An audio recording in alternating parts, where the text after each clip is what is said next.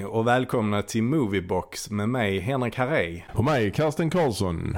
Och eh, nu vankas det ju påsk. Eh, och eh, till påsken, ja, vi äter ju en massa ägg och vi eh, letar efter eh, ägg med, med godis i och sånt där gör vi ju. Men, Ja, det gör vi. men, men, Oh, ja. på, men påsken handlar ju egentligen om eh, någonting helt annat. Det är ju egentligen en väldigt kristen högtid. Ja, och eh, från början judisk va? Ja, är det det? Ja, det vi är mer vad jag vet. Ja, Men, jag eh, tror Pesach. Mm, Där okej. var ordet påsk. Men jag vet inte. Vi behöver inte gå in i någon teologisk diskussion. Nej, det enda jag vet det är ju att långfredagen har något med Jesus att göra. Det har du. Det var då han dog. Ja, det var då han Ja, dog. Ja, han dog det. då. Mm, mm. Det är intressant kan jag tycka när det gäller just kristendomen att eh, han föd, föddes ju på juldagen, Jesus. Mm, 25 december är ju det varje år. Mm, Och han dog på påsken.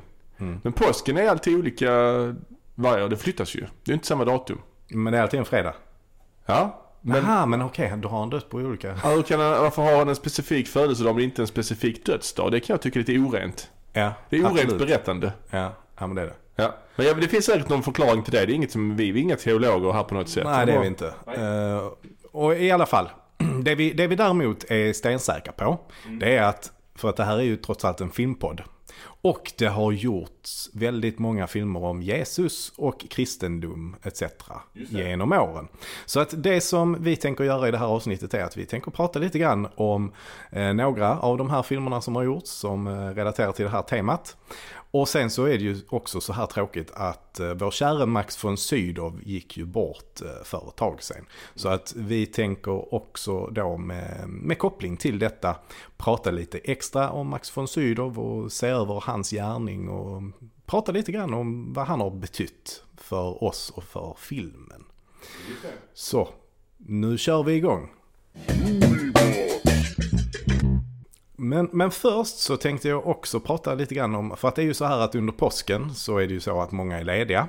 Eh, och eh, i dessa tider vi lever i nu så är det ju också så att många arbetar hemifrån. Det behöver ju inte betyda att man är mer ledig och så, men man eh, håller sig hemma. Och eh, då kanske man kan titta lite mer också på, på tv och på film och så. Så att jag har faktiskt eh, haft tid nu att eh, titta på lite, lite saker som inte direkt har något med påsken att göra. Vet du vem Joe Berlinger är, Karsten? Joe Berlinger är ett namn som klingar bekant. Jag kan inte placera det faktiskt. Nej. Om jag säger True Crime plus Metallica. Ja, såklart ja. Nu vet jag om det är. Det är ju Ja. han som har gjort eh, den här Ted Bundy vi pratade om här förleden. I, Ja, vi pratade om i julas. Ja, det är det. Och han har ju även gjort Paradise Lost-filmerna. Just det. Eh, och så har han då gjort en dokumentär om Metallica. Just det. Some kind of monster. Ja, Ja. precis. Så att han är ju ett stort eh, Metallica-fan får man säga. Ja. Och han har väl, vad ska man säga, han har ju inte skapat true crime-genren. Men han har ju varit med och popularisera den kan man säga. Alltså eh, de här Paradise Lost-filmerna. Det var ju inte de första eh, true crime-dokumentärerna som gjordes. Men, men ehm, kanske de mest kända exemplen tror jag. Ja, kan vara det. Alltså i, i, i, i dess tidiga stadium. Nu, vi- nu är ju Making a Murderer mycket mer känt ja. exempel kanske. Men... Ja, ska ska vi bara nämna vad Paradise Lost-filmerna handlar om? Det har vi ju pratat om innan. Men det är ju alltså tre po- pojkar som blir brutalt mördade. Och tre eh, tonårspojkar eh, blir anklagade för att ha utfört de här morden. Och de här tre tonårspojkarna är ju då eh, hårdrockare. De lyssnar på Metallica bland annat. Och de är ju nästan dömda på förhand och de får ju fängelse också.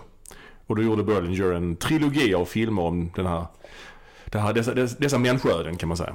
Mm. Alltså jag tycker de är extremt gripande de här filmerna. Ja, verkligen. verkligen. Och väldigt välgjorda. Ja, det är de.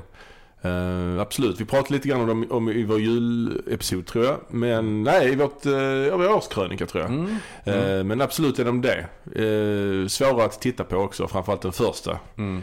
Mycket jobbiga bilder. Mm. Ja, det är det. Men i alla fall, det jag skulle komma till det är att eh, det finns ju en ny tv-serie nu som är signerad eh, Joe Berlinger. Jaså? Ja, den heter Wrong Man. Mhm. Och eh, det är alltså en, en tv-serie. eh, Jag tror att det har kommit två säsonger och den andra säsongen är precis eh, avslutad. Mm. Eh, och, och då får man då följa ett antal olika fall i, i varje episod. Eller det är så här, ett fall brukar vara två episoder. Eh, och i den här serien då så har han satt ihop ett dream team av eh, sådana här, de är inte brottsbekämpare men de är, vad ska man säga att de är? Alltså det är två advokater och eh, två utredare kan man säga. Eh, med bakgrund, den ena har bakgrund från FBI tror jag, den andra är polis. Och, och de har då en advokat som är expert på att försvara kriminella och så. Eh, Som, som, har, ja, som hittar en massa gliphål i de här eh, eh, i, i, de, i de här fallen då som de går igenom. Ehm, och ja, här blir det ju, alltså jag tycker den, den här serien är, är bra att kolla på. Den kommer inte upp till samma höjder som, eh, som Paradise Lost-filmerna såklart. Men, Mm. eh, men eh, det är ändå helt klart, eh, helt klart sevärt. Och det är kul att se hur det här Dream Teamet jobbar. Ja, ja, ja. ja. Eh, ja, så Är det Netflix du? Du, nej, det var på Seymour finns den på. Aha. Så, eh, så den får du kolla på. Ja. Och jag får göra det. Jag ska få skaffa Simor igen. Jag brukar skaffa det ibland. Kolla allt de har och sen lägga bort, ta bort det. ja, ja. ja, men det är smart att göra så. Ja, ja. Ja, ska jag kolla in. Mm. Och sen så tänkte jag följa upp det med att kolla om du vet vem Alex Garland är. Det vet jag. Det är ju eh, manusförfattaren och regissören till eh, bland annat Ex Machina Ja. och han har även gjort den här eh, Annihilation. Och nu är han också aktuell med Devs. Exakt, och det var Devs jag tänkte eh, snacka lite om. Har du sett eh, Devs? Jag har inte gjort det än. Jag väntar lite grann tills det har kommit lite fler avsnitt. För det har bara Ja. kommit ett avsnitt eller två. Nej, för fan. Alltså? det har kommit fem. Fem? Ja, Oj, ja då. så det är, nu är det full tid Karsten. Ja, ja, ja. Jag trodde det bara kommit två avsnitt. Ja, och i, i, vad ska vi säga, skrivande stund så måste det när ni hör detta Ja. så måste det ha kommit sju avsnitt. Ja, ja, ja. ja okej. Ja, men då, då ska jag direkt eh, sätta, Ja, sätta ja. tänderna i det. Just nu är jag inne i en, eh, alltså, en, en filmperiod mer. Jag har lite så, ibland tittar på serier och mycket ibland film. Ja, Just nu har jag bara en serie jag tittar på och det är ju Homeland och den kommer bara en i veckan. ja, Eh, och, men annars, annars ska jag verkligen... jag gillar att föredra att bingea egentligen. Att Ja. det finns eh, avsnitt att, att titta på när man önskar. Ja, Jag okej. gillar inte riktigt att... Ja, jag kan i och för sig gilla att vänta på nästa avsnitt också. ja. Jag vet inte. Men Devs ligger definitivt på min lista, absolut. Men du har sett det eller? Ja, men jag har sett den. Eh, Alex Garland kan man ju säga, han slog ju igenom med att han skrev eh, boken The Beach. Som, Ja, det. eh, som sen blev film. Och han var väl involverad i manuset där också antar jag. Ja. Ehm, och ehm, The Beach är ju då eh, en film med Leo DiCap i huvudrollen. LDC. LDC. Mm. eh, och uh, regisserad av Danny Boyle. Just det. Han, han gjorde ju närmast uh, Trainspotting innan den.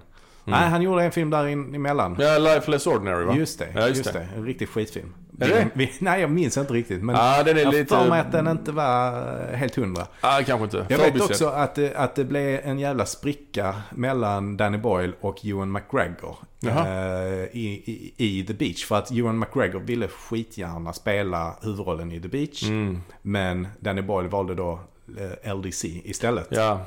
Eh, och sen dess har de varit i luven på varandra. Men de har nog eh, reconcilat nu tror jag. Ja, okej. för The, The Beach var väl han... eh, eh, Boyles första stora Hollywood-produktion.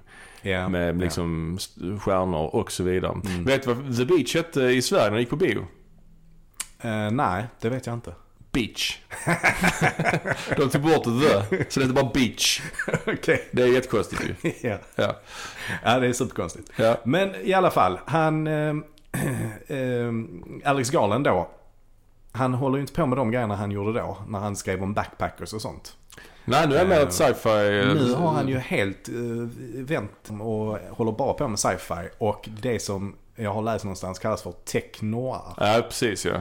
Intressant genre. Ja, det var väl tidigt 80-tal där med Blade Runner, Robocop, Terminator där någonstans. Ja, Ja. ja. Ehm, och i alla fall, eh, Devs då, den är ju en sån där tech noir. Ehm, och den handlar ju lite kort om då Nick Offerman som framförallt är känd från eh, Parks and Recreation. ja, just det. Eh, han är ju en riktig favorit där. Mm. Ehm, han spelar ju då någon slags eh, tech-guru. Som bedriver forskning då. Hemlig Mm. forskning kring AI.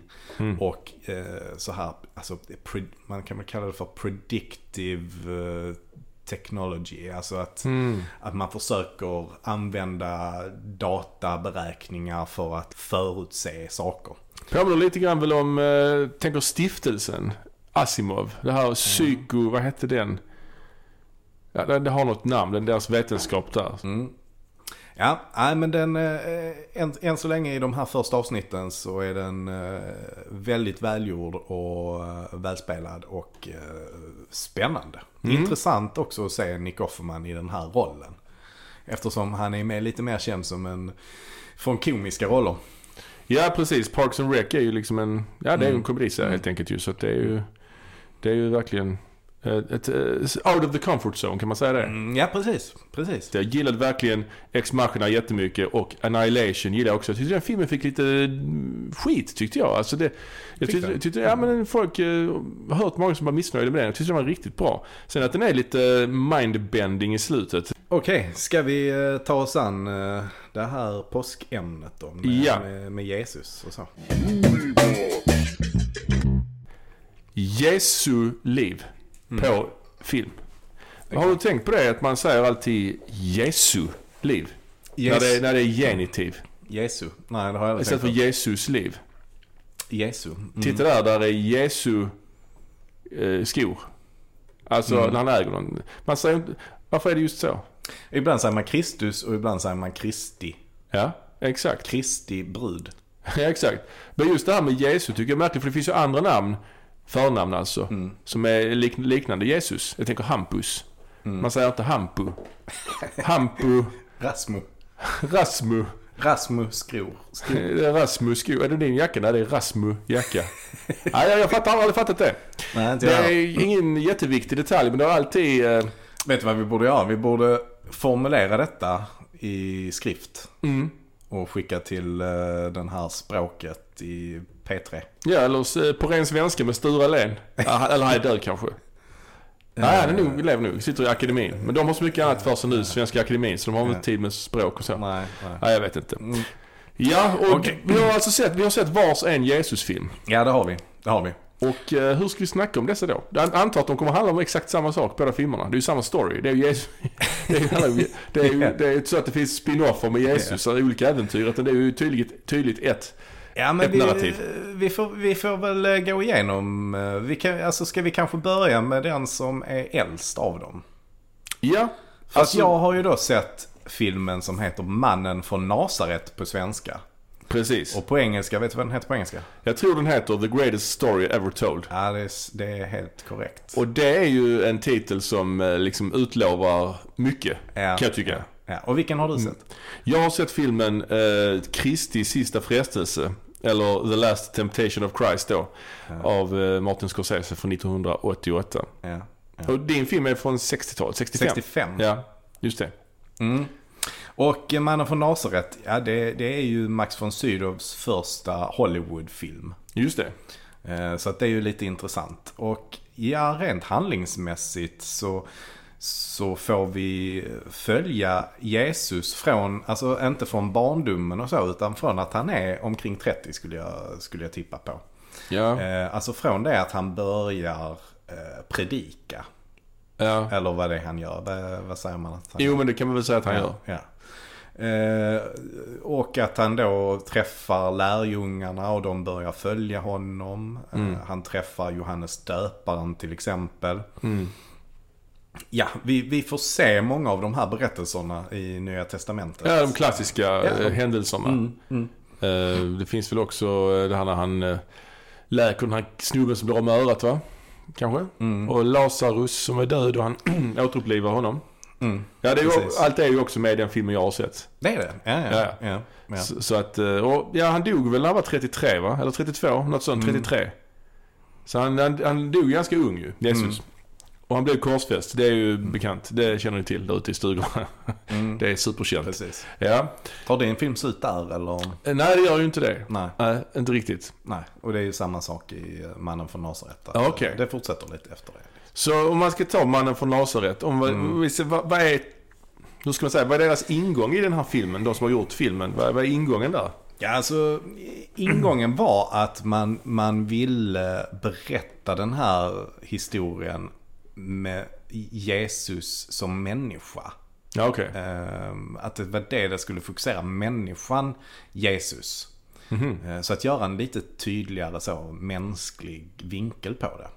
Att han faktiskt var en, en vanlig människa. Med brister och så vidare. Ja, ja precis. Ja. Men, men när jag ser den så är det ju inte alls det som jag fastnar för. Eller så, jag märker inte av det alls. För att han, han går omkring och verkligen är allt annat än mänsklig. Alltså han skiljer sig ju jättemycket från alla de andra människorna som är där. Mycket för att han bara pratar i bibelcitat hela tiden. Ja, just det. Eh, Så att det, det blir ju svårt att få liksom en kontakt så. Fast det var inte bibelcitat på den tiden. Det blev det först sen. Precis, så är det. Så är det. Jag förstår vad du menar, men, absolut. men, men talet, alltså hans, Ja. hans repliker skiljer sig väldigt mycket i hur de är skrivna gentemot de andra. Ja. Alltså, de, de går inte omkring och pratar på så högtravande sätt som han. Nej. Vad har vi väl för skådisar i filmen då? Alltså där är ju rätt, den är ju väldigt stjärnspäckad ju. Ja. Eh, Jag nämnde ju att eh, han träffar Johannes döparen. Ja. Eh, och och det, han spelas ju av Charlton Heston. Och det är Ah. också lite intressant att Ja. Charlton Heston, jag vet inte om det är cirka tio år innan, så spelar han ju Moses i eh, de tio budorden. Är den klassiska repliken an- angående de tio bu- budorden-filmen. Är det, har du läst Bibeln? Nej, men jag har sett filmen. för den är också lång väl som ett ösregn, har jag för mig. Och det är också din film, den här eh, Mannen från Nasaret är väl också... Ja, den här är över tre timmar. Ja, Så att det, är ju, det här är ju faktiskt inget man hetsar upp sig över jättemycket. Den är väldigt långsam. Och Mm. det är över tre timmar med Jesus och Jesus eh, citat, bibelcitat. Mm.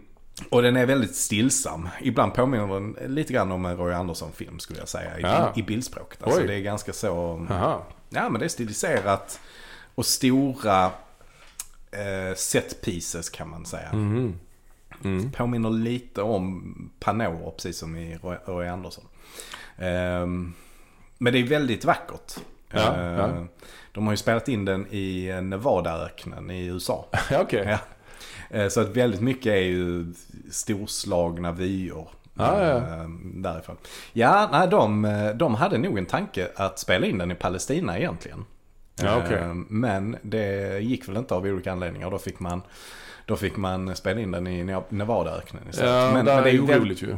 Vad sa du? Ja, det är ju oroligt där nere ofta ju. Jag Ja, tror väl inte precis. 67 det blir krig där, och, Jo. tror jag. Eh, Men, men eh, det, är, det är ju också väldigt mycket, alltså vad kallar man det när det är sådana backdrops, målade Ja, ja, backdrops? matte paintings. Ja, precis. Det är ju mycket sånt också. Ah. Eh, Den här är ju då stjärnspäckad som vi sa. Eh, Förutom Charlton Heston som Johannes döparen så har vi ju Telly Savalas i en eh, rätt så stor roll som Pontius Pilatus. Eh, som då dömer Jesus. Och han är med i hela filmen. Eh, Så Det är inte bara så att han kommer in i slutet och dömer Jesus. Men, men, men det är faktiskt en hel del skådisar som bara poppar upp sådär. I, Ja, ja, Eh, Så vi har ju också den här karaktären då som... Nu har jag, alltså det är ju så många namn att hålla reda på. Men, Ja. men, men han som hjälper Jesus att bära korset den sista biten. Ja, det är, också en känd karaktär. Men, Ja. men det spelar ingen större roll egentligen. Men Nej. det är i alla fall Sidney Poitier som, som spelar honom. Ja, okej. Ehm, så att det är, det är ju ganska kul. Men han bara poppar upp från ingenstans och tror inte, han har inga repliker heller. Liksom, utan han bara... Men det var rätt så vanligt typ på 60-talet. För det första var det ganska vanligt med sådana här mastodontfilmer då ju. Mm. Man gjorde ju Kleopatra och, och som sagt Tio budorden. Eh, 50-60-talet där, Ben Hur. Mm. Men också att det var så jävla många kända eh, namn med i mindre roller. Det var ju ofta på de här filmplanscherna att det var liksom längst ner i, i, på bilden var där små porträtt på alla som var med i filmen. Det är klassiskt eh, så här. eh, Ja, för särskilt för den typen av filmer. ja. Eh, Så var det så. Men det var även på 70-talet också i så här skyskrapan brinner och Mm. airport och sånt var det också så. Vanligt Ja. med sådana porträttbilder längst ner för alla som var med. Ja. Mm. Eh, vad har vi med? John Wayne är också med. Men, men de, eh, de har ju inga större roller de här två. Telly Savalas däremot, han, han har en ganska stor roll. Han är Telly Savalas är en liten lustig skådis, är inte det? Jo, han är lite svår att kategorisera tycker jag. Ja, för han gjorde rätt mycket skräckfilm på 70-talet. Han är med i någon Mario Bava-film, Lisa and the Devil till exempel. Ja, han spelar ja. en galen betjänt. Ständigt med eh, slickepinne, precis som han Mm. gjorde i den här polisserien Kojak. Mm.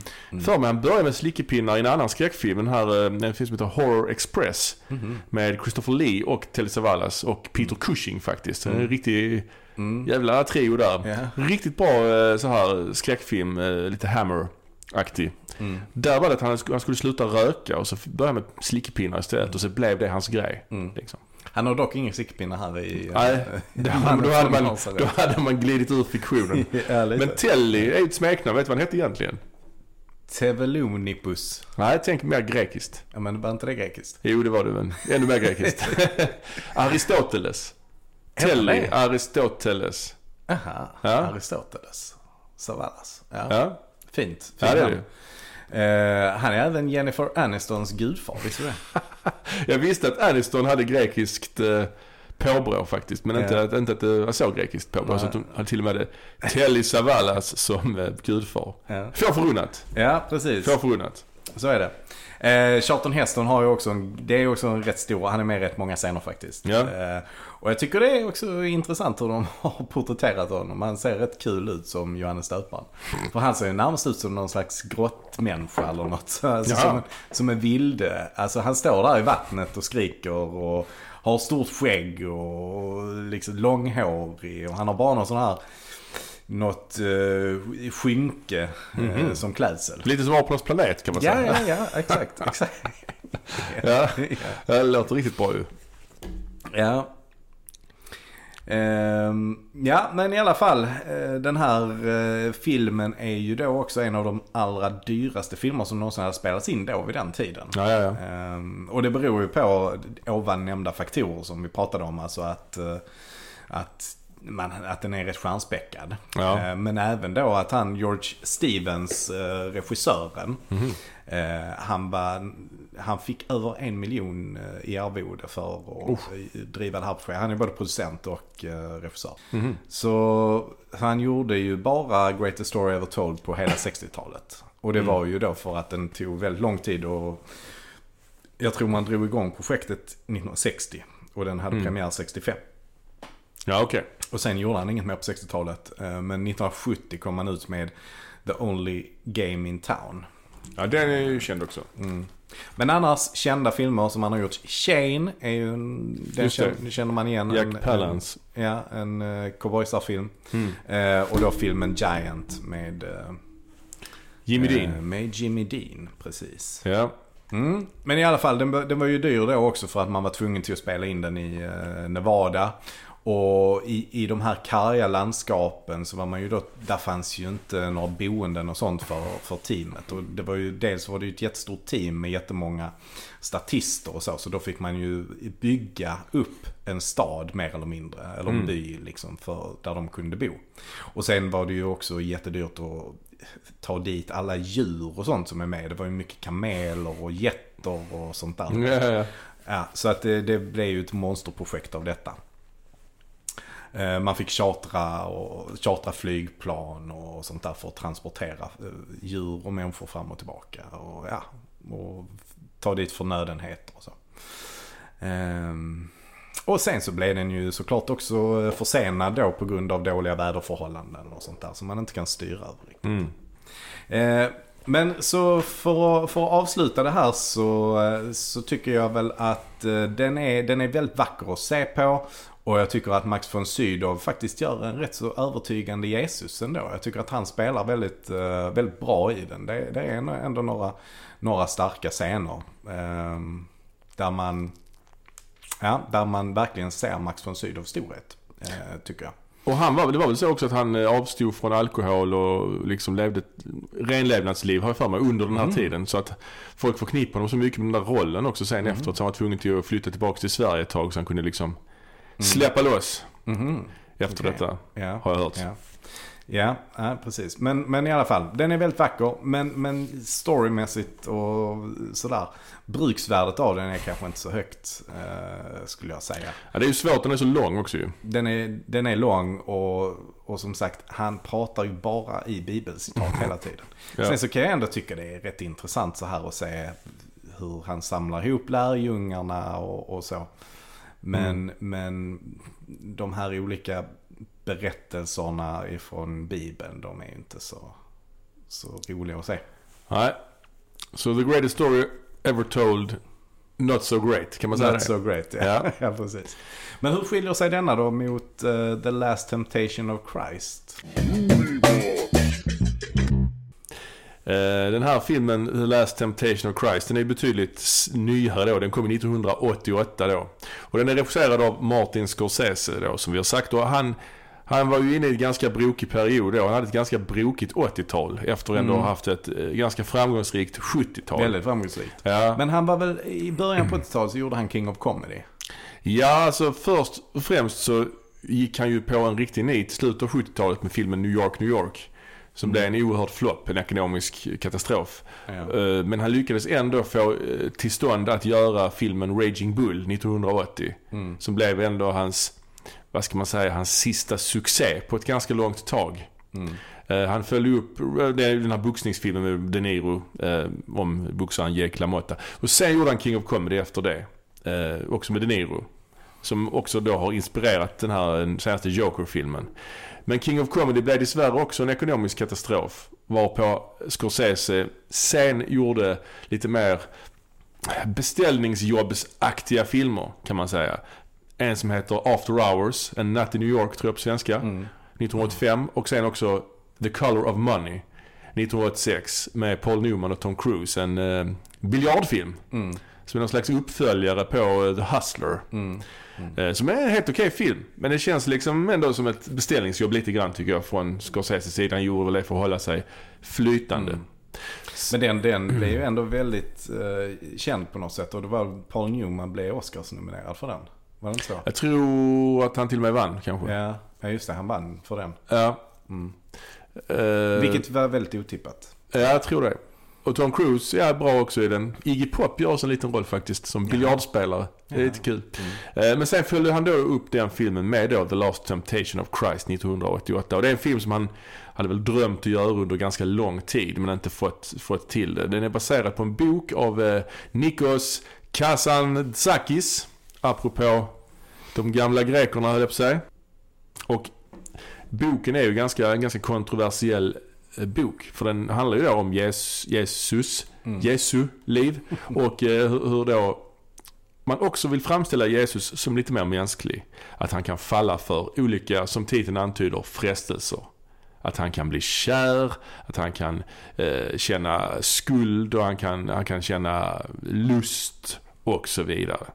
Så den här filmen har ju ändå en del lite sexscener och så. Mm. Maria Magdalena, han, eh, det är en sexscen med henne till exempel. Mhm. Eh, Kan det? Alltså, hon spelas ju av Barbara Hershey. Mm. Eh, vi kan, Och det är Willem Dafoe som spelar Jesu. Just det, Jesus. Ja, precis. Willem Dafoe spelar ju Jesus och eh, han var väldigt het här nu efter Plutonen några år tidigare. Det. Eh, Så att han spelar Jesus. Eh, Vi har då Barbara Hershey som sagt som spelar Maria Magdalena. Hon var ju tidigare med i en annan Scorsese-film, Boxcar Bertha. Mm. För många år tidigare.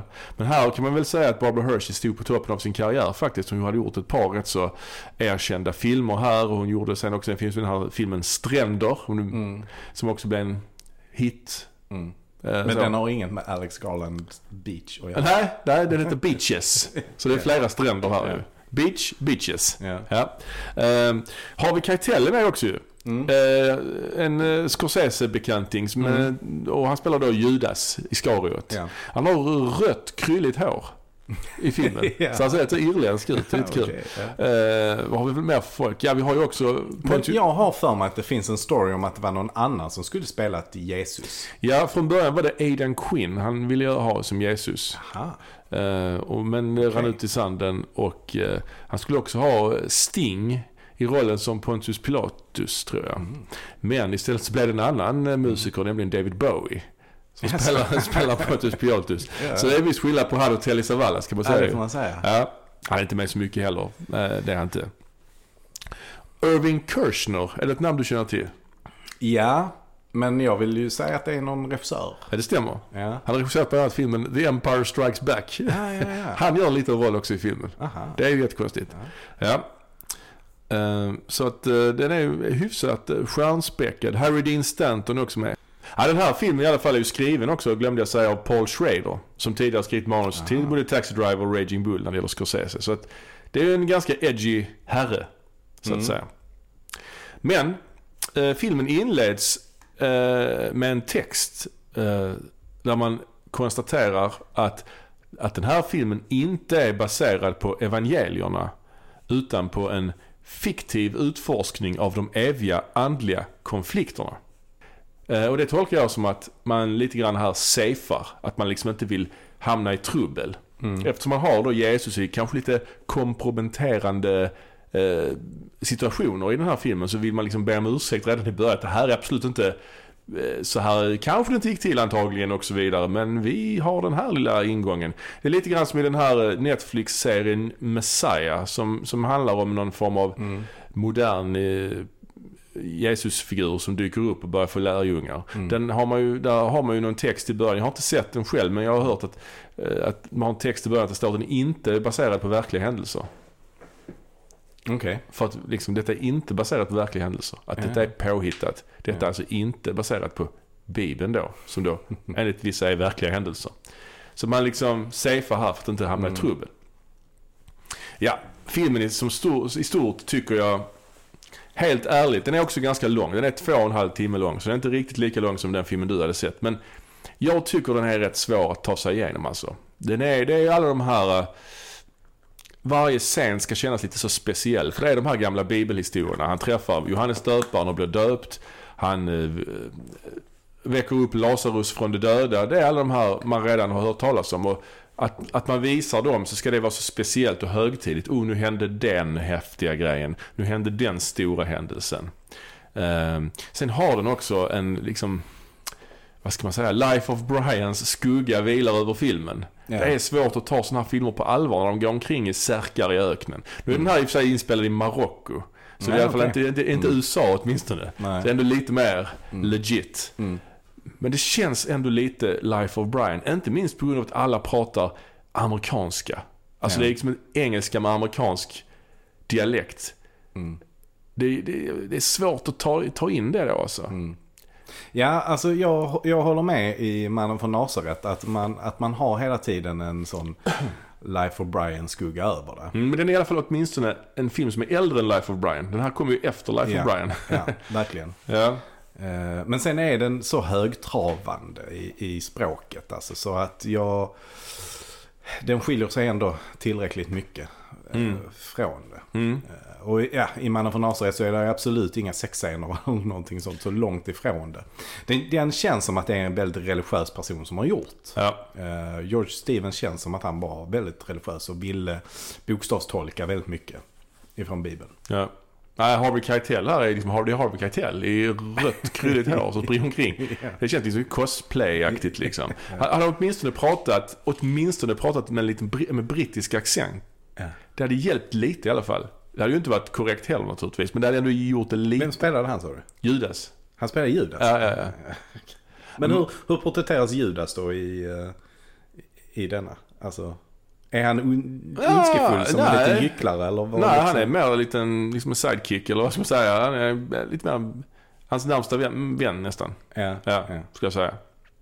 Men eh, ja, Peter Gabriel har gjort musiken förresten. Ah, okej. Så lite så här world music som emellanåt känns oerhört daterad.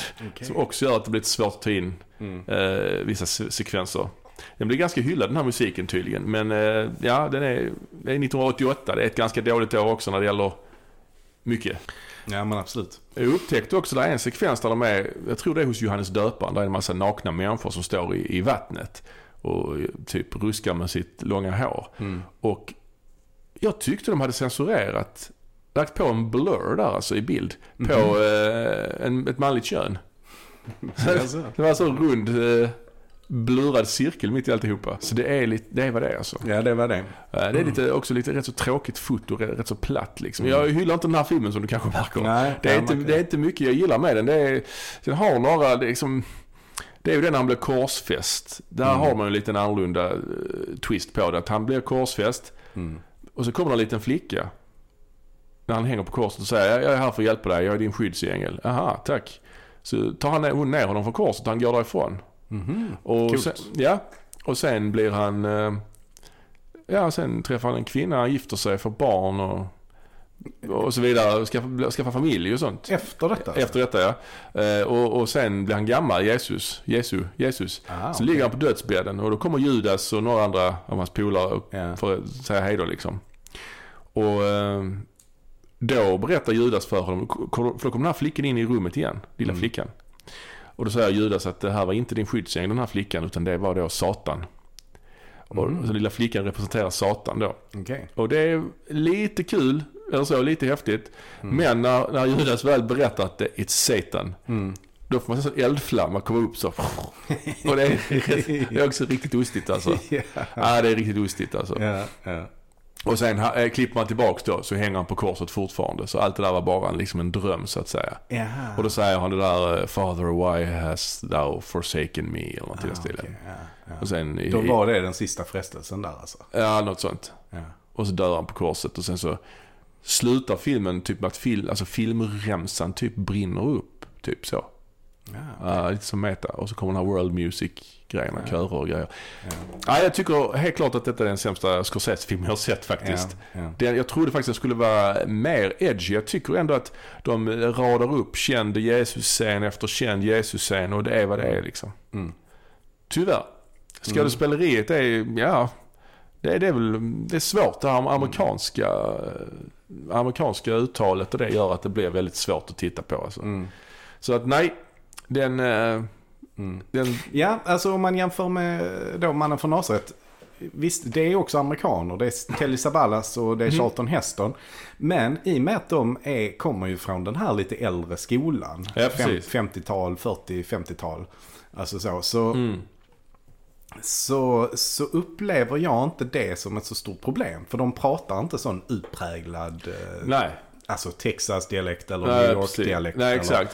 Charlton Heston skulle kunna prata brittiska i stort sett ju. Sån Exakt. fin New England-dialekt typ. Precis, Så. och samma sak med Telly Savalas. Alltså man Ja. tänker inte på att det är amerikanska han pratar. Utan Nej. För att han har ändå en sån myndig, högtidlig stämma. Ja, det har Så han Och lite eh, hintar av kanske något grekiskt i det också. Ja. Som gör att det känns lite Ja, precis. utländskt så att säga. Ja, så att jag upplever inte samma problem, eh, problem här Nej, faktiskt. nej. Ja, inte.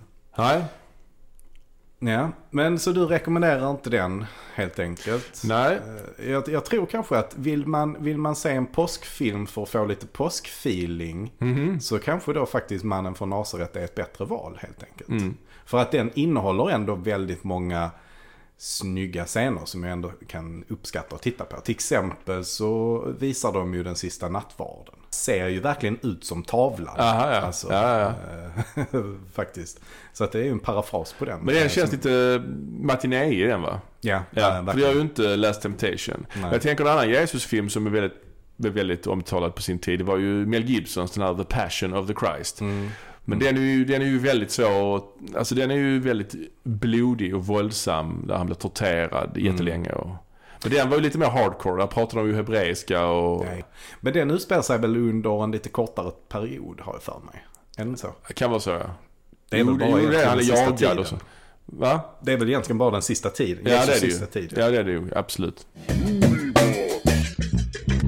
Apropå mannen från Nasaret då. Ja, precis.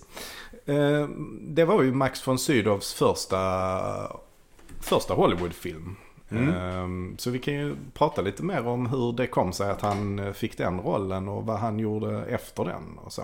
Han föddes 1929 kan man säga. Så han blev... Det kan man säga för det gjorde han ju. Ja, ja. Så att han blev, hur gammal blev han då? 91? ja. Och Ungefär. han, han är ju född i Lund faktiskt, så han är skåning ju. Mm. Hans pappa var ju professor i etnologi. Jaha. Jag har ju pluggat etnologi. Wow. Så att eh, Hade jag... du hans pappa som... Nej, han var väldigt död då. Men det hängde en tavla av hans pappa på väggen på institutionen. Och han var, såg ut som Max von Sydow. Väldigt, Jaha, väldigt okej. mycket. Så det är väldigt kul. Ja, det är kul. Ja. Men På Max von tal, på tal om en utseende. Ja. Han har ju ett väldigt säreget utseende.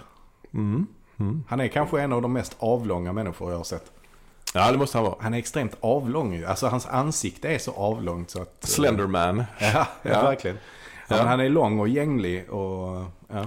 Och han är väl, får man väl räkna som den största manliga svenska filmstjärnan någonsin. ja. För att han är inte den största filmstjärnan. De största filmstjärnorna Sverige har producerat är ju kvinnor. Det är ju Greta Garbo och Ingrid Bergman. Mm. Det måste man ju säga. Mm. Men Max von Sydow Ja, skulle jag och säga. kanske då Alicia Vikander i med hennes uh, Oscars-statyett. Ja men det är tidigt att säga tycker jag. Jo, det är det ju Det är absolut. inte alls samma grej idag som det var då heller. Nej. Alltså, Nej. Men eh, hon är absolut eh, på väg till Mm. någon. Men, men Max von Sydow, han är väl den största manliga vi har haft. Ja, det är väl i konkurrens med eh, både Alexander och Stellan Skarsgård kanske. Mm, framförallt Stellan i så fall. Ja, men jag tänker ändå lite grann. Alltså Alexander Skarsgård har ju ändå spelat huvudrollen i Tarzan till exempel. Jo. Alltså, Jo. men jag bara tänker så här på stjärnstatus. Ja, det är sant. Alltså, men det här. Max von Sydow hade ju kanske inte den s- Nej, stjärnstatusen. nej, men det är lite som Stellan kan man väl säga. De gjorde rätt många småroller båda två. Mm. Stellan Skarsgård och eh, Max von Sydow. Och Max von Sydow, men sen fick han fick ju den här huvudrollen i Greatest Story Ever Told. Ja, precis. Eh, Men, men vi kan ju börja bara gå igenom lite vad han gjorde innan dess. Ja. Alltså i Sverige så. Alltså han, han, eh, han, eh, han började ju med teater. Och började sen hoppa in och göra lite filmroller. Så att han, han debuterar i Alf Sjöberg i filmen Bara en mor. Mhm. Och sen så har han en liten roll också i Fröken Julie som ju blev en internationell succé. Guldpallsvinnare va? Precis. Ja. Jag tror dock inte det hette Guldpalmen på den tiden va? Men, eh, det hette Grand, Grand Prix, någonting sånt. Ja, just det. Ja, men, Mm. men, eh, men det blev ju en internationell... eh, Har du sett den? Nej, jag har inte sett den. Ja, jag har sett den faktiskt. Men Ja. den är... Det känns som en, en film som inte har åldrats så bra tycker Nej. jag. Men det är också Alf Sjöberg ja. Ja. ja. Eh, Men där har han bara en pytteliten eh, biroll. Men sen så börjar han ju jobba då med Bergman för att han flyttar tillbaka till Malmö där Bergman då var eh, teaterchef. Är på Malmö Stadsteater. Mm. Det var väl egentligen Ber- Bergmans heyday kan man väl säga. Ja, absolut. Verkligen. Han hade väl alla, många av de här kända skådisarna han jobbade med sen jobbade på Malmö Stadsteater. Mm. Och det var väl så att de gjorde teateruppsättningar på hösten och våren och långfilmer på sommaren. Ja, precis. Så det var ju väldigt produktivt. Precis. Och ja, och ibland så gjorde väl Bergman två filmer om året till och med. Eh, Under den här perioden. Ja, det kan det Eh, vara. Ja. Men den första var väl Sjunde inseglet som man gjorde med Bergman tror jag. Eh, Ja, okej. Och det, Det var väl... 57. Ja. Och Smultronstället eh, kom ju också 57. Och där är von Sydow med båda. ja, han har ju lite mer tongivande roll i Sjunde inseglet när han spelar den här riddaren Antonius Block då som i den här ik- ikoniska scenen spelar schack med döden. Den, den, Säg inte det. Alltså Ja, det det- jag minns av, av Smultronstället är ju Max von Sydows replik. Vi kan vara lite spanska av oss fast vi bor i Småland. Nej, inte, inte Småland. Ännu mer specifikt. Vi kan vara lite spanska av oss fast vi bor i Gränna. är det så? Han spelar alltså, som sagt, han spelar ri- korsriddare i Sjunde inseglet. I Smultronstället spelar han bensinmax eh, biträde.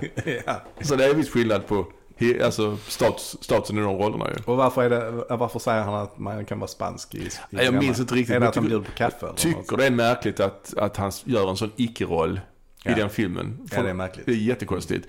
Men Sjunde inseglet blev ju, eh, är ju en odödlig klassiker såklart. Ja, det är det. det, det är ju Det är en av de mest kända filmerna i filmhistorien får man väl säga. Eh, Tack vare det här schackpartiet ju. Mm. Mm. Vet han, Bengt Ekeroth spelar döden va? Ja, det är möjligt. Inte Kent Ekeroth. ja, nej men eh, precis. Ja, ja. Ja, nej men den är ju ikonisk den här filmen. Ja. Eh, Den är, jag skulle nog säga att den är mer ikonisk än eh, bra. Ja, håller med. jag tycker den inte är sådär, det är inte min favorit av Bergman. Nej, den är lite, den är ofrivilligt komisk emellanåt. Ibland Ja. är det ju komisk med, med Nils Poppe och så vidare. Men ibland är det ju mer att det blir lite pajigt nästan. Ja, Det ja men den är rätt pajig på, sina- Ja. på sina ställen. Men den har, den har ju mycket. Det är ju många snygga bilder. De dansar på den här kullen och så vidare. Mm. Det är ju helt fint. Jag är Men- döden. Just det. Jag är döden. Han säger ju så. Han är lite mer casual. Vem är du? Jag är döden. ja. Det vet jag. jag, har har, jag har hört vid- det i sångerna och läst det, i- Ja, sett det på kyrkväggarna. Eller Du spelar schack inte sant? Ja, jag är en mycket god schackspelare. Det vet jag. Ja, jag vet inte om, om, det, om det går exakt så det replikskiftet, men ja. Jag tror inte alls, men skitsamma. Ja, Han gjorde ju sen 1958 Ansiktet. ja just det. Bra titel. Nej, jag vet inte. Ehm, ja, The Ja. Magician eh, blev den eh, Just det. kallad för just sen. det. Är det där har sånt diaboliskt skägg? Eller det- Exakt ja. ja. ja. Men det är ju ett lösskägg får man säga sen Ja. i, senare i filmen. Det. Men, men det är roliga är att det skägget påminner ju... För han, antingen, antingen har han en konstig skäggväxt. Att, alltså att han inte har någon skäggväxt alls under läppen. Ja. Så att han för att det är ju det som är lite specifikt. Ja, Men, det. men i ansiktet så är det ju ett lösskägg. Men jag tycker ändå att det skägget påminner på något sätt både om skägget han har i Mannen från Nasaret. Men även i, i den här rollen som kejsar Ming i eh, Flash Gordon. Ja. Ja, det han. Ja. Fast där har väl också långa mustascher på sidorna. En sån Fu Manchuia har jag för mig. Ja, ja. Men jag tycker, ja, ja, men han är, ju, han är ju sminkad där i Ja. ansiktet. Eh, han spelar någon slags sån här kringresande magnetisör tror jag det kallades för. Men det är någon sån där Ja. eh, fusk eh, trollkarl. Ja, men jag tycker den är rätt underhållande faktiskt. Den är rätt, rätt bra. Mm. Sen har vi Jungfrukällan 1960. Klassiker. Klassiker ja. Också en stark film och en bra rollprestation där av uh, Mr von Sydow. Mm. Ehm, så som min spegel, Nattvardsgästerna, Ja. Vargtimmen och Skammen. Det är väl de. Och sen så En passion och beröringen. Det är de han har gjort ihop med Bergman. Så det är Ja. 11 stycken. Ja, det är mycket alltså. Mm, det är mycket. Eh, sen då också på 60-talet så inleder han ju ett samarbete med Jan Troell.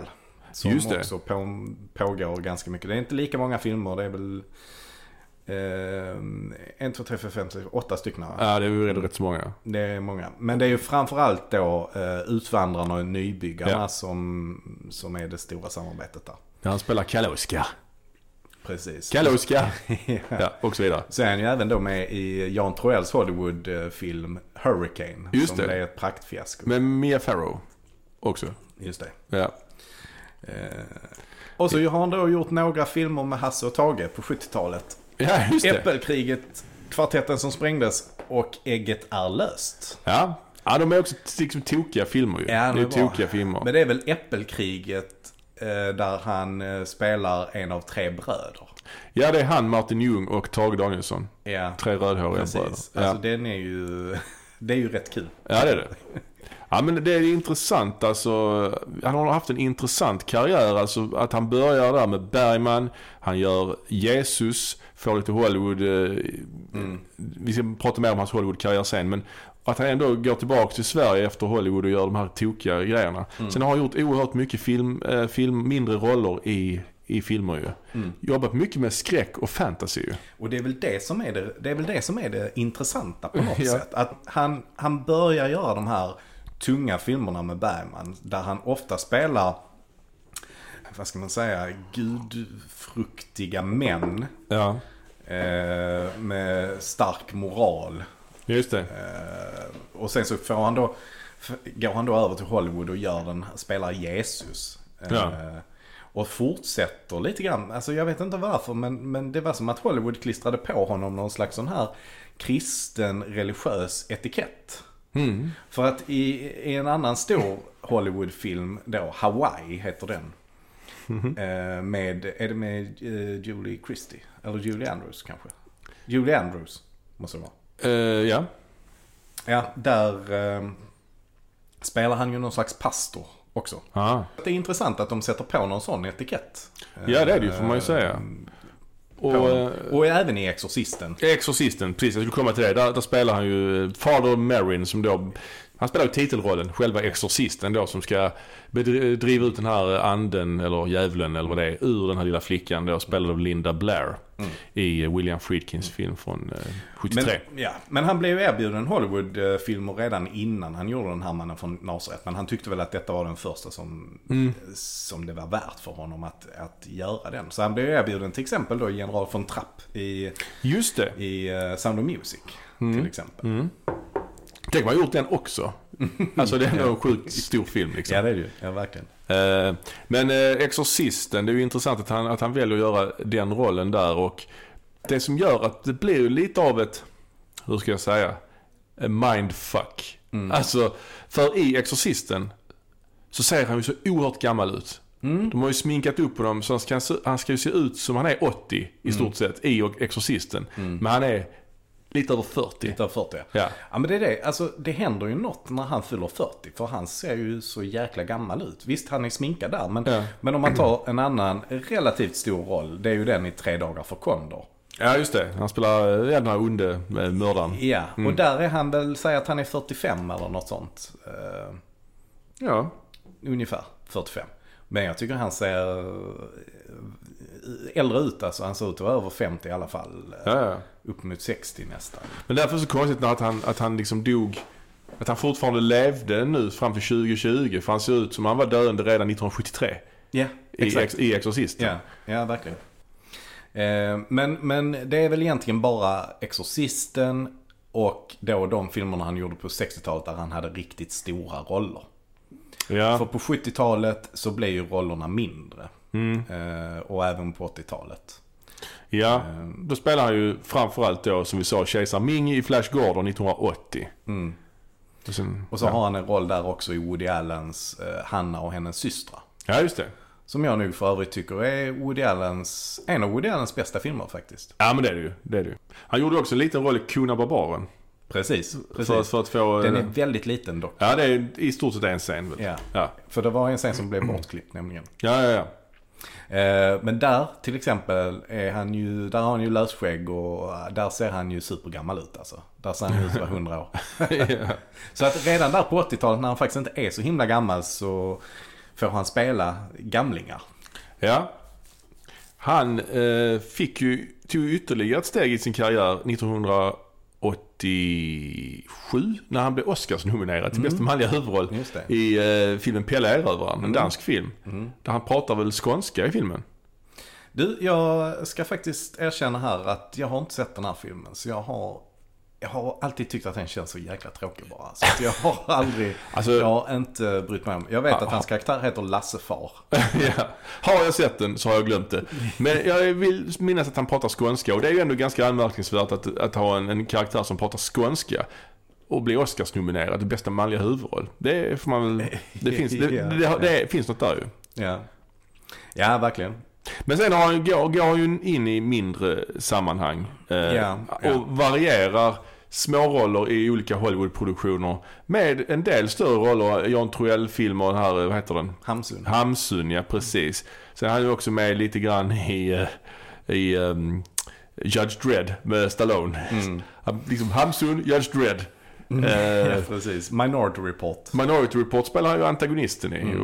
Och Spielberg-film. Det är ju jättestort. Rush Hour 3.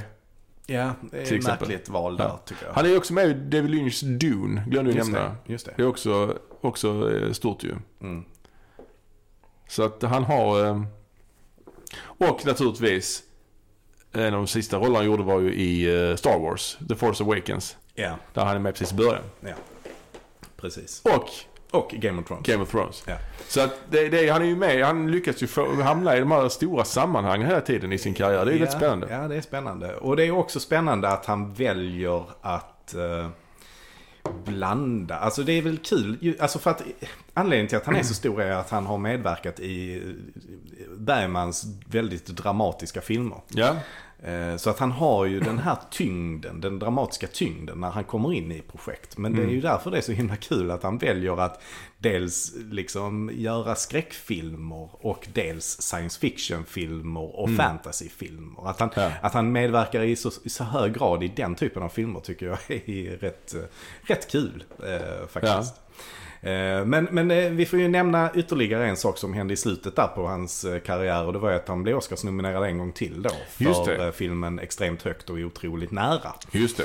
Eh, Det är ju då Steven Daldrys eh, filmatisering av en Jonathan Safran Foer-bok. Mm. Eh, Och där pratar han inte alls Han pratar inte alls. Nej. Nej. Han, är, han, är, han är stum.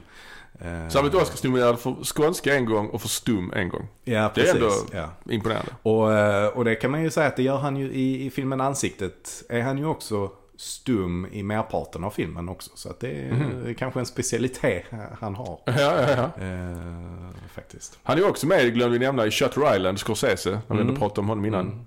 Också en bra roll där ju. Mm. Det rätt länge sedan jag såg den filmen så jag minns faktiskt inte vad han gör för karaktär. Ja, han är någon läkare där. Så. Mm. Ja, just det. Så är det. Ehm, mm. En annan film som jag valde att titta på eh, Ja. efter, eh, efter hans bortgång då. Det är filmen Dreamscape. Har du sett den?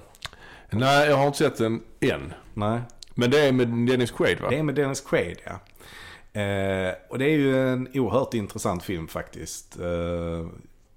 Eh, på något sätt så tror jag att eh, filmen Inception, Mm. den hade kanske inte blivit gjord om inte Dreamscape funnits. För att eh, de, handlingen påminner väldigt mycket om varandra. Ja, ja. Eh, Inception är nästan en...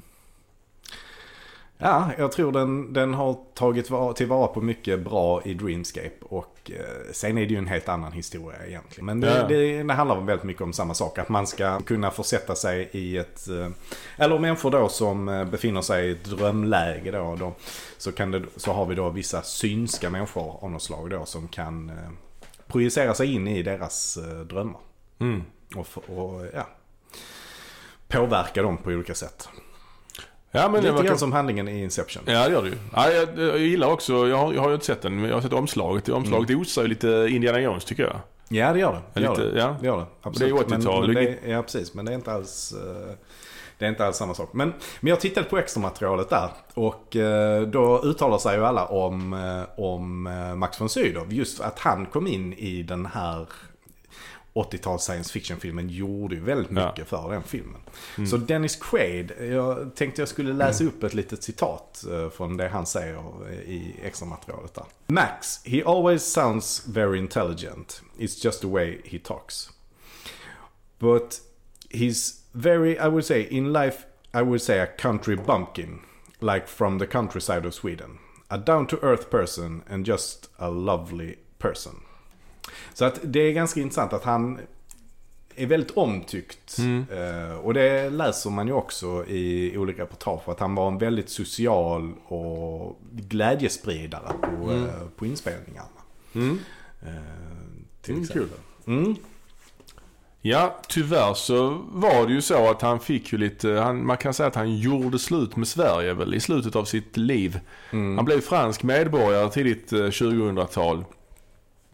Och då hade han ingen möjlighet att behålla sitt svenska medborgarskap förstod det som. Så att han satte ju aldrig sin fot i Sverige i stort sett. Igen. Nej, precis. Han, eh, han hade ingen kontakt med någon av hans gamla vänner från Sverige. Och Nej. på Bergmans begravning dök han ju inte upp till exempel. Nej, det var ju eh, anmärkningsvärt. Mm, mm. Så lite tråkigt. Ja. ja, men det är det. En annan person han har jobbat med är ju Schwarzenegger i eh, Conan. Mm, just det. det, är också, det är också kul. Och Schwarzenegger har ju också uttalat sig där om att eh, han var den första eh, så här dramatiska skådespelaren som Schwarzenegger jobbade med. Så han lärde sig väldigt mycket av hur eh, Max von Sydow jobbade. Eh, ja men mycket med hur, hur eh, Max von Sydow, även om det, det här bara är en väldigt liten scen de har tillsammans. Eh, Så eh, menar Schwarzenegger att han lärde sig väldigt mycket på detta i alla fall. Av att titta på hur han jobbade med manuset, hur han skrev om repliker och eh, jobbade med John Milius med replikerna. Och ehm, Ja, han, eh, Schwarzenegger blev bland annat imponerad av hur, hur högt han kunde gå i sina repliker. Alltså hur högt han kunde, från att gå från att prata väldigt tyst till att skrika från Jaha. ingenstans. Eh, och det var en sann inspiration för, för Schwarzenegger. Säger Schwarzenegger själv Ja. i, eh, i, bakom material till Conan. Ja, ja. Intressant. Mm, det är rätt kul faktiskt. Det var ju John Milius som eh, regisserade denna. Eh, Och John Milius han är ju en ganska så här... Men han var väl ganska hård. eh, Alltså... Ja, han gillar Ja. action och... Ja, oh ja. Alltså, Alltså, John Goodmans karaktär Walter i The Big Lebowski är ju baserad på John Milius. Ja, det. Så Ja, det just säger ju en hel del om hur han var ja, som person. Ja, det Liksom. gör det. Ja, Ja, det gör gillar det. vapen och sånt. Ja, men han, jag gillar vad. Jag tror han är förmodligen republikan liksom. Oh, ja. och, och jag tror också att John Milius är en av dem som grundade UFC, alltså Ultimate Fighting Championship. eh, han var med och liksom startade när det först visades på eh, Ja. TV, alltså på cable TV. Alltså man Ja. Eller pay per view var det ju då på den tiden. Liksom. Eh, så jag tror han var, han var en av grundarna där till det. Så att det säger lite grann, han, han gillar våld på något sätt. Och, ja. Men sen å andra sidan så har han ju gjort surffilmer och är en surfare själv. Eller var i alla fall. Ja. Eh, så att eh, det är lite motsägelsefullt där. Men, men i alla fall. Max von Sydow när han då, när, när John Milius då ville få med Max von Sydow i Conan. För det var ju precis som det var eh, med många andra projekt liksom. Att får man med Max von Sydow så ger det en tyngd till projektet. Så i alla fall, han, han säger då att Max von Sydow will never do this. We will never get Max von Sydow to do this little role. And sure enough, he said, when do you want me? What do you want me to do? It was kind of shocking when he showed up because I had such admiration for him. Mm. Ja, det är stort. Det är stort. Mm, så att det var ju verkligen, alltså de här filmerna han gjorde med Bergman, de satte ju verkligen avtryck ända, i, ända bort i Hollywood. Ja. Alltså, det Ja, var ja. verkligen, det kanske vi inte riktigt fattar idag liksom, men, men att vara med i en Bergman-film, det var en stor grej. Ja. Max von Sydow som sagt eh, gick ur tiden 2020 och men kommer för evigt eh, vara ihågkommen för sina roller. Kanske främst för Sjunde inseglet och Exorcisten skulle jag tro kanske. Ja, eh, möjligtvis Utvandrarna och Ja. Nybyggarna, de två filmerna också. Mm. Eh, Ja, det är sant. Men eh, ja, ska vi eh, tacka för oss. vi tackar för oss. Och eh, ja, tills vi ses nästa gång så får ni ha det så bra. Och glad påsk. Glad påsk. Hej! Hej.